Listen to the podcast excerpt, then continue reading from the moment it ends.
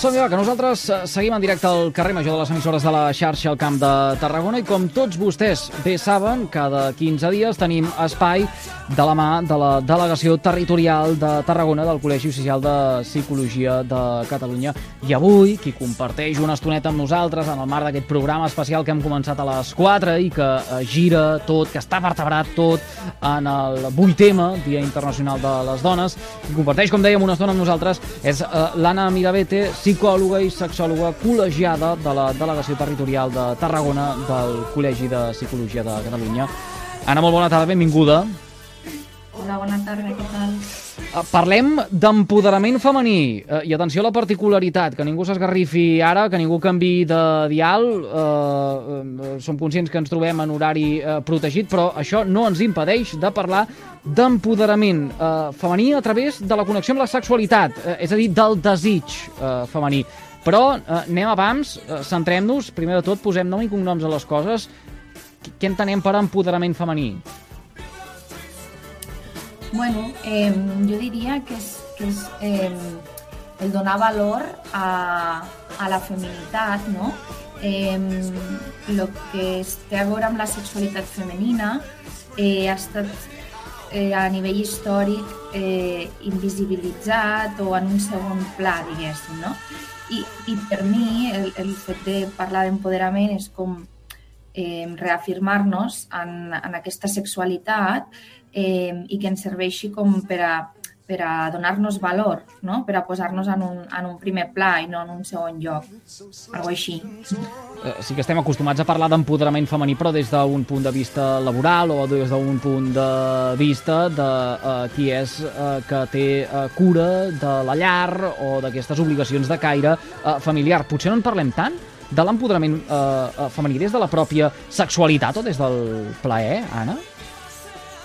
Bueno, jo crec que cada vegada s'està parlant més, però que, bueno, com parlar de sexualitat segueix sent un tabú, doncs parlar d'empoderament sexual jo crec que també segueix sent un tabú o no es parla amb tanta naturalitat com, com altres, en altres àmbits. No? Sí? Eh, és per això? És, és pel tabú? O és que realment hi ha alguna mena de, de, de barrera? No ho sé, ara penso en, uh, al final, el, els inputs que ens arriben a través de les noves tecnologies sempre acabem parlant eh, de, de tot el que eh, llegim a les xarxes o a través dels eh, mitjans eh, digitals en el, en el món web en, ens hauran ajudat a avançar en, en, en aquest sentit. Fins a quin punt eh, continua sent una cosa reservada eh, eh, i de la que no es parla, el, el desig mm. sexual? Bueno, jo crec que sí que parlem de sexe, però parlem de sexe eh, d'una manera més superficial, banal, com més des de l'humor, no? Però quan hem de parlar d'intimitat, que la sexualitat també té a veure amb la intimitat, amb el compartir amb l'altre, eh, llavors aquí jo crec que sí que fa més vergonya perquè implica parlar de l'emocional, de la vulnerabilitat i això acostuma a, a costar més, no? Mm. Mm, uh, fins i tot en uh, aquest moment en què, uh, no sé, uh, les uh, joguines de caire sexual uh, s'han arribat a popularitzar tant uh, que uh, arriba a ser fins i tot motiu de conversa o de tertúlia fent un, un cafè, fins a, mm. a tal punt encara uh, podem arribar a parlar d'aquest tabú? Sí, jo crec que, que és això, que, que cada vegada es parla més no? de la sexualitat, però que Eh, quan parlem, per exemple, de les desigualtats que es poden... És a dir, el patriarcat també ens atravessa en, en lo íntim, en lo sexual, no?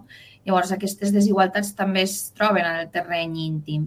Això costa més de parlar, no? Per exemple, quan no volem fer una pràctica sexual i, i, diem, i hem de dir no, no ens agrada, no? O quan, al contrari, volem fer una pràctica sexual o volem connectar amb l'altra persona i, volem, i hem de dir que sí, que hem de comunicar allò que volem, que ens agrada, no? com a dones o com a individus. Vull dir, això costa més. Això costa més el fet de, de, de com gestionem aquesta intimitat des de l'emocional. Per què costa uh, gestionar des de l'emocional aquesta intimitat en un moment en què uh, es parla tant, eh, tall d'exemple, eh, ahir encetàvem el programa fent èmfasi en el eh, només sí és sí. Eh, per què, malgrat ens omplim la boca de eh, tot això, eh, som incapaços fins i tot de vegades de posar-nos eh, d'acord en eh, quins són els límits o què és el que podem fer amb la nostra parella, no? en un àmbit molt, molt més proper. Mm. Bueno, perquè suposo que costa, que no és fàcil no? obrir-se, que, que, no, que no és fàcil perquè al final és parlar d'un mateix, parlar de coses que són profundes, eh, exposar-nos als altres, és, jo crec que és de valents. És a dir, parlar de, del que sentim, del que volem, del que ens agrada, de lo que no ens agrada, el tenir en compte l'altra persona durant, la, durant el sexe.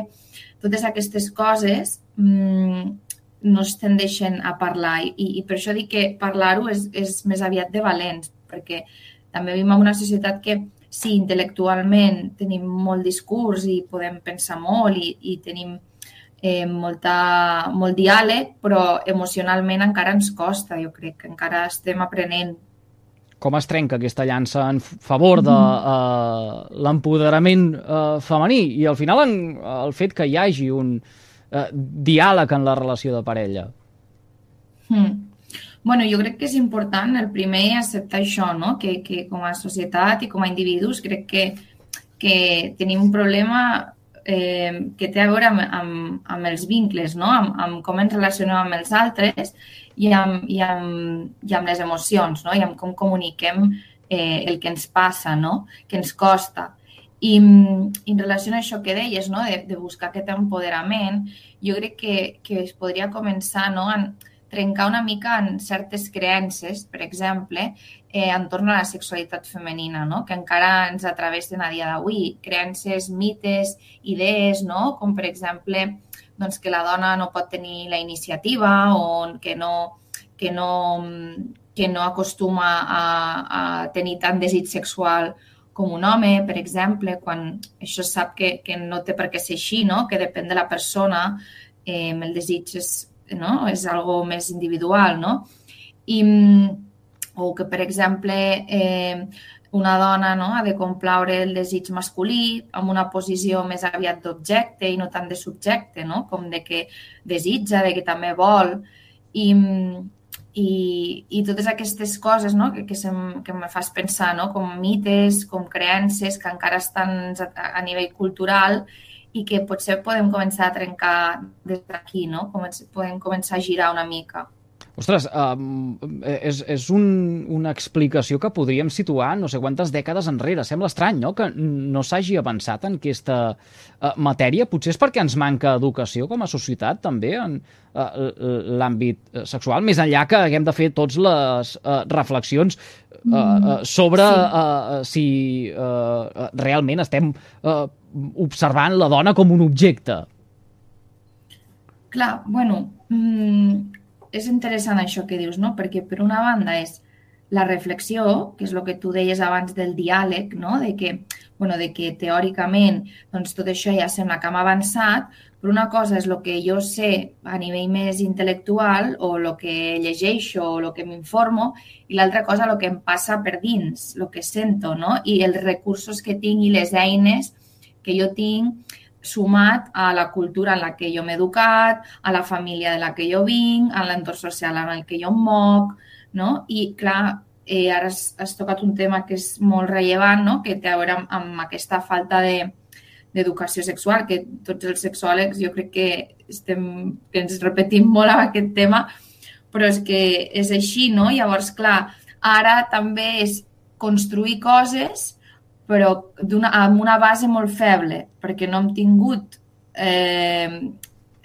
res que ens expliqui com, com, fun com funciona això de relacionar-se sexualment amb els altres, afectivament, emocionalment, no? I, i bueno, el, el que han fet doncs, és, és pues, fer el que han pogut i anar tirant endavant, sobrevivint.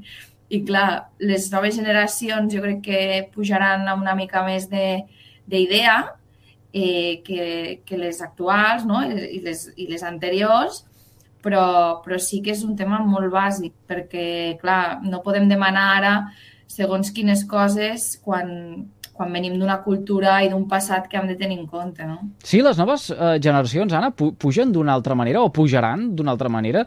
Eh, faig aquesta pregunta o aquesta eh, reflexió tenint en compte també el, el, el consum de pornografia que s'està fent ja en unes edats molt primerenques a través de, de, de la xarxa, a través d'internet. No tinc dades eh, ara mateix al davant, però vaja, eh, hi ha constància també d'aquest eh, consum de pornografia que eh, idealitza o no, o deconstrueix la realitat sobre què és la sexualitat.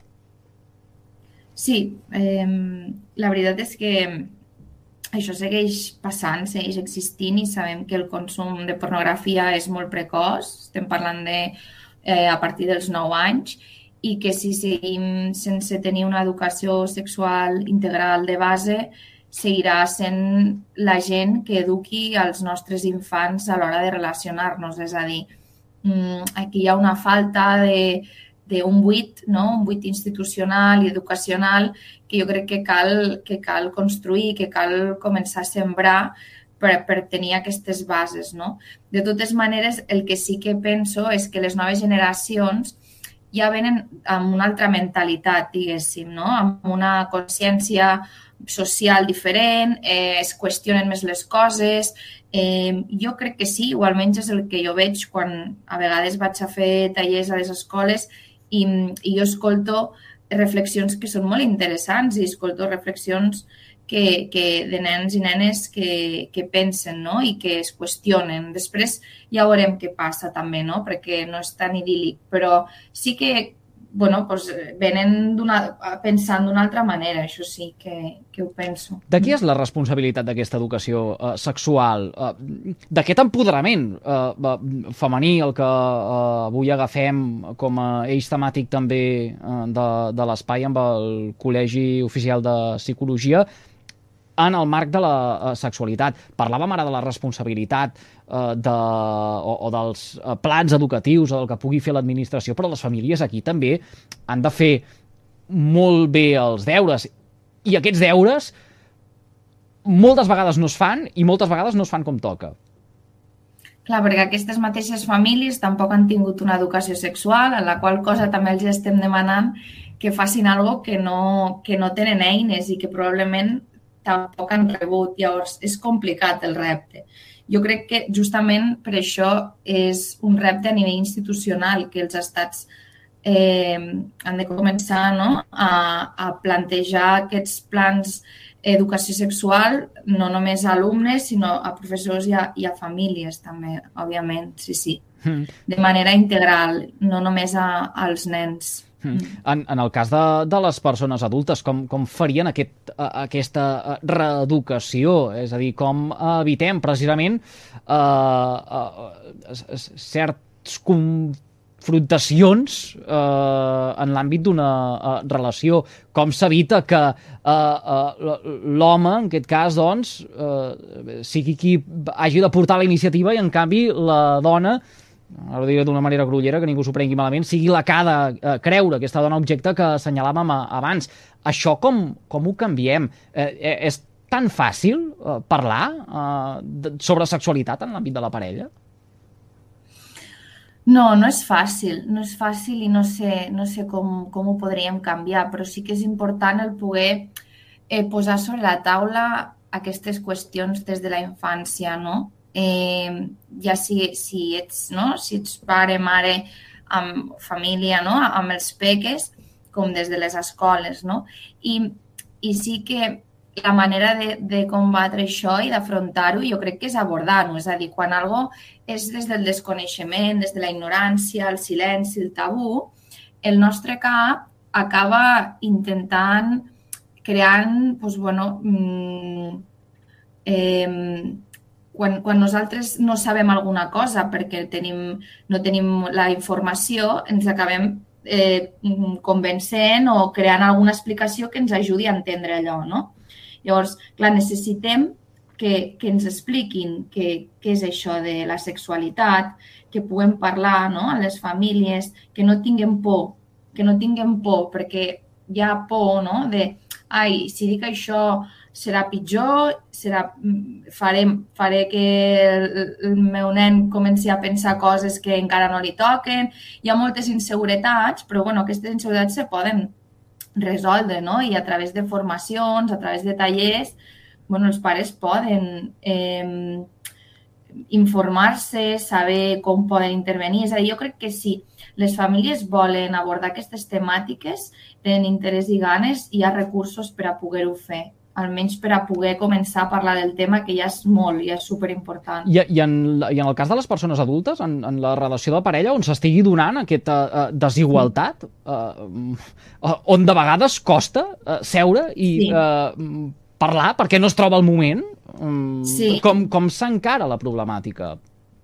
Clar, quan hi ha una dificultat mm, ja més gran a nivell de comunicació o a nivell d'alguna disfunció sexual, com podria ser doncs, falta de desig o, o dificultats per arribar a l'orgasme o dolor vaginal, en el cas de la dona. Eh, llavors, sí que jo crec que seria convenient una teràpia sexual, eh, ja sigui individual o de parella, per poder abordar aquestes qüestions en un entorn segur, en un entorn professional i estar acompanyats per, per una professional que pugui eh, donar-nos i d'alguna manera eh, ajudar a que, a que la parella pugui començar a comunicar què li passa. Mm. Uh, um, com, a, com a experta, com a professional d'aquest àmbit, uh, Anna, uh, costa uh, demanar aquesta ajuda? Costa uh, anar, en aquest cas, doncs, uh, a la sexòloga o psicòloga per tal que es facilitin aquestes eh, eines?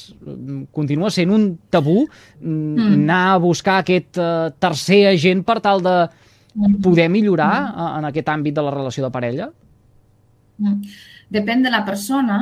Hi ha persones que li és més fàcil, però jo crec que sí que en general costa i que en general la, la gent s'espera molt quan el problema ja porta molt de temps eh, doncs present, eh, dificultant així eh, bueno, pues el, el malestar, no? És a dir, que s'agreuja i la persona ja porta molt de temps eh, bueno, malestar, ja sigui individual o de parella, i, i clar, eh, després doncs, eh, es costa més, diguéssim, de poder-ho de poder abordar, no? I a vegades ja no és possible, quan estem parlant de problemes de parella, eh, és comú que parelles eh, vinguin en un moment que ja no, no és possible fer alguna cosa perquè la relació funcioni, no? Llavors, és recomanable que, que, es, que es normalitzi, no? Que quan hi ha algun malestar relacionat amb la sexualitat, podem demanar ajuda i que té solució. La, vull dir, és algo que acostuma a tenir bons resultats i que es pot solucionar d'una manera normal i,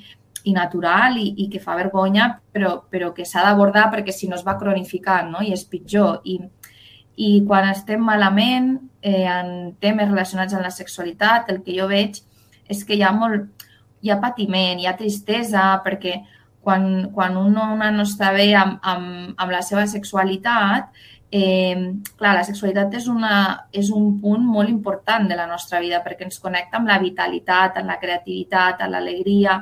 Quan això està bloquejat, quan això està dolgut, quan això no, no es pot eh, no es pot parlar, no? no està, està com, com parat, no? bloquejat, clar, genera molt malestar. Llavors, val la pena no? poder fer alguna cosa amb això, val la pena parlar-ho i, i abordar-ho. Eh, eh, eh, és teràpia de parella? Ho hem d'entendre com a teràpia de, de parella? O, o realment estem eh, davant de coses eh, diferents? Una cosa és la teràpia de parella per arreglar eh, un eh, assumpte, el que sigui, i l'altra és eh, precisament ja en el que és una relació íntima. Bueno, pot ser dos coses, sí, són dues coses diferents, però poden anar juntes o no. És a dir, pot donar-se un problema de parella, però que no hi hagi problemes en la sexualitat. Llavors s'abordaria més temes relacionats amb la parella. Però pot ser que hi hagi un problema sexual i si normalment sempre que hi ha un problema sexual acaba afectant a la parella. Això sí. Uh, uh, avui, uh, com dèiem, eh, ens centrem en uh, l'empoderament de la pròpia uh, sexualitat en uh, clau femenina. Uh, amb, sí. amb, amb això, qui, qui, té el, qui, qui té els deures a fer? Uh, és, és la dona o és uh, uh, l'home que ha de fer també un canvi de pensament? Jo crec que tots. tots, tots, tots els individus eh, ens hem de qüestionar quin rol tenim no? Amb, davant les relacions i també crec que és important poder pensar eh, quin, quines idees tenim sobre com hauríem de ser sexualment, no? Aquí sí que jo veig molt en relacions heterosexuals, no?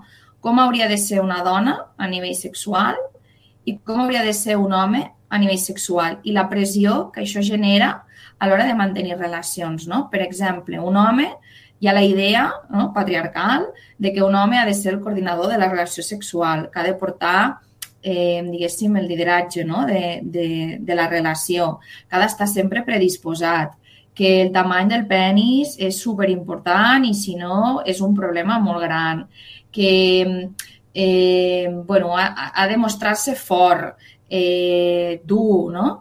I això, per exemple, en la part masculina, també genera molt, molt de patiment, perquè al final és vincular-te des de, amb, vincular-te sexualment des de l'ansietat de tenir que, eh, que encaixar en aquest ideal, no? I això genera molta pressió, llavors aquí ja no disfrutem de la relació. El que fem és mantenir relacions d'una manera més automàtica, perquè toca o per, per les nostres pròpies inseguretats, no?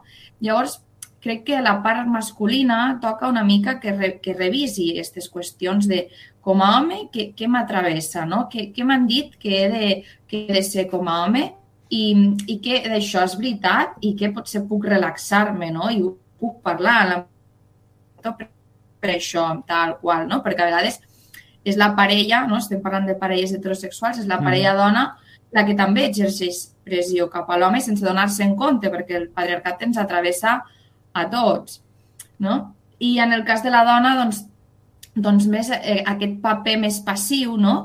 que també és important que, que, responsabil que ens responsabilitzem com a dones de la nostra sexualitat i diguem, bueno, què vull, no? que, que ens preguntem què ens agrada per després poder-ho comunicar i no donem com la responsabilitat a, a, a l'altra persona del nostre plaer, no? perquè és una manera també com fàcil no? de dir, bueno, ocupa't tu, jo, jo no me'n faig responsable. No? Llavors, jo crec que és important que, que s'entengui que les dues persones han de fer-se responsables de la seva pròpia sexualitat mm -hmm. i a partir d'aquí mm, revisar-se, no? Quines exigències hi ha, quins, quins mites, quines, quines creences, quines inseguretats, no? Eh, això, se preguntant això. Eh, això passa al final per conèixer també uh, un mateix, uh, com uh, és, les expectatives que pugui haver i, eh, mira, escoltant-te, ara m'ha vingut al cap allò de les etiquetes, eh, que tendim a posar-nos mm. etiquetes. Eh, toca ser això perquè eh, en el eh, llenguatge de la humanitat, on el que ens hem creat com a societat, diu que ha de ser d'aquesta manera. Al final eh, hem de ser capaços de trencar amb tot això que eh, ens ve eh, imposat. Parlaves, però, eh, Anna, de eh, relació eh, heterosexual. Cam, sí. cam, cam, canvia uh, segons el uh, tipus de uh, relació? Bueno, dic que eh, relació heterosexual perquè crec que són el tipus de relacions on el patriarcat està com més present, no? Perquè s'estableixen aquestes dinàmiques d'home-dona, no?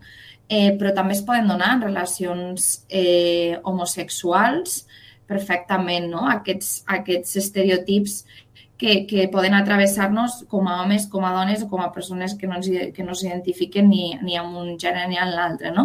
Però és com que, que pot afectar a tothom, però jo crec que en, en, les, en les relacions heterosexuals és com una mica el reflexe d'aquest patriarcat, no? Perquè és com per excel·lència, diguéssim.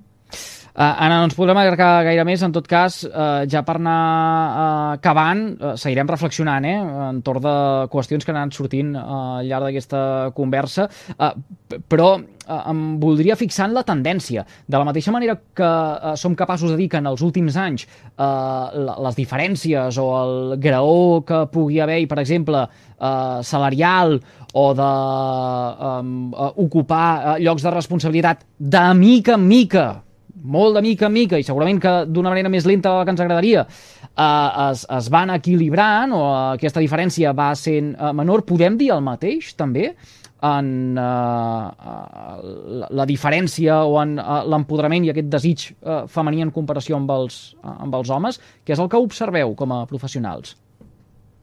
Sí, vols dir que si està, si està ben també un avanç cap a positiu. Ah, exacte, sí. Sí, jo crec que sí, eh? Jo crec que, que sí, que cada vegada bueno, el feminisme ha fet no? que, que, que arribi a més persones a aquest qüestionament no? de què és això de ser homes, què és això de ser dones, o què vol dir això de... No? Vull dir, és com que ha fet que, que a més ara està molt present el feminisme a nivell social, a les xarxes, a, a, no? inclús al govern. Vull dir, és que és algo que estem parlant d'un moment que jo crec que sí, i jo mmm, potser sóc molt optimista, però jo penso que sí, que, que s'estan donant canvis i que les dones s'estan plantejant moltes coses vinculades a la seva sexualitat i que els homes també estan escoltant aquestes dones i també s'estan posicionant diferent perquè estan escoltant, no? I, bueno, jo crec que sí que hi ha, hi ha moviment en aquest sentit. Mm. Doncs mira, missatge optimista o almenys pensament optimista que ja està bé també uh, de, de, de posar en relleu precisament en jornades en què eh, les reivindicacions que estem sentint al llarg de tot el dia eh, convé que sonin més enllà únicament d'una jornada com és la, la del 8M. Anna Mirabete, psicòloga i sexòloga col·legiada de la Delegació Territorial de Tarragona del Col·legi Oficial de Psicologia de Catalunya. Gràcies per compartir amb nosaltres aquesta estoneta en directe al carrer Major de les emissores de la xarxa al nostre territori. Un plaer, que acabi d'anar molt bé la jornada. Igualment, moltes gràcies.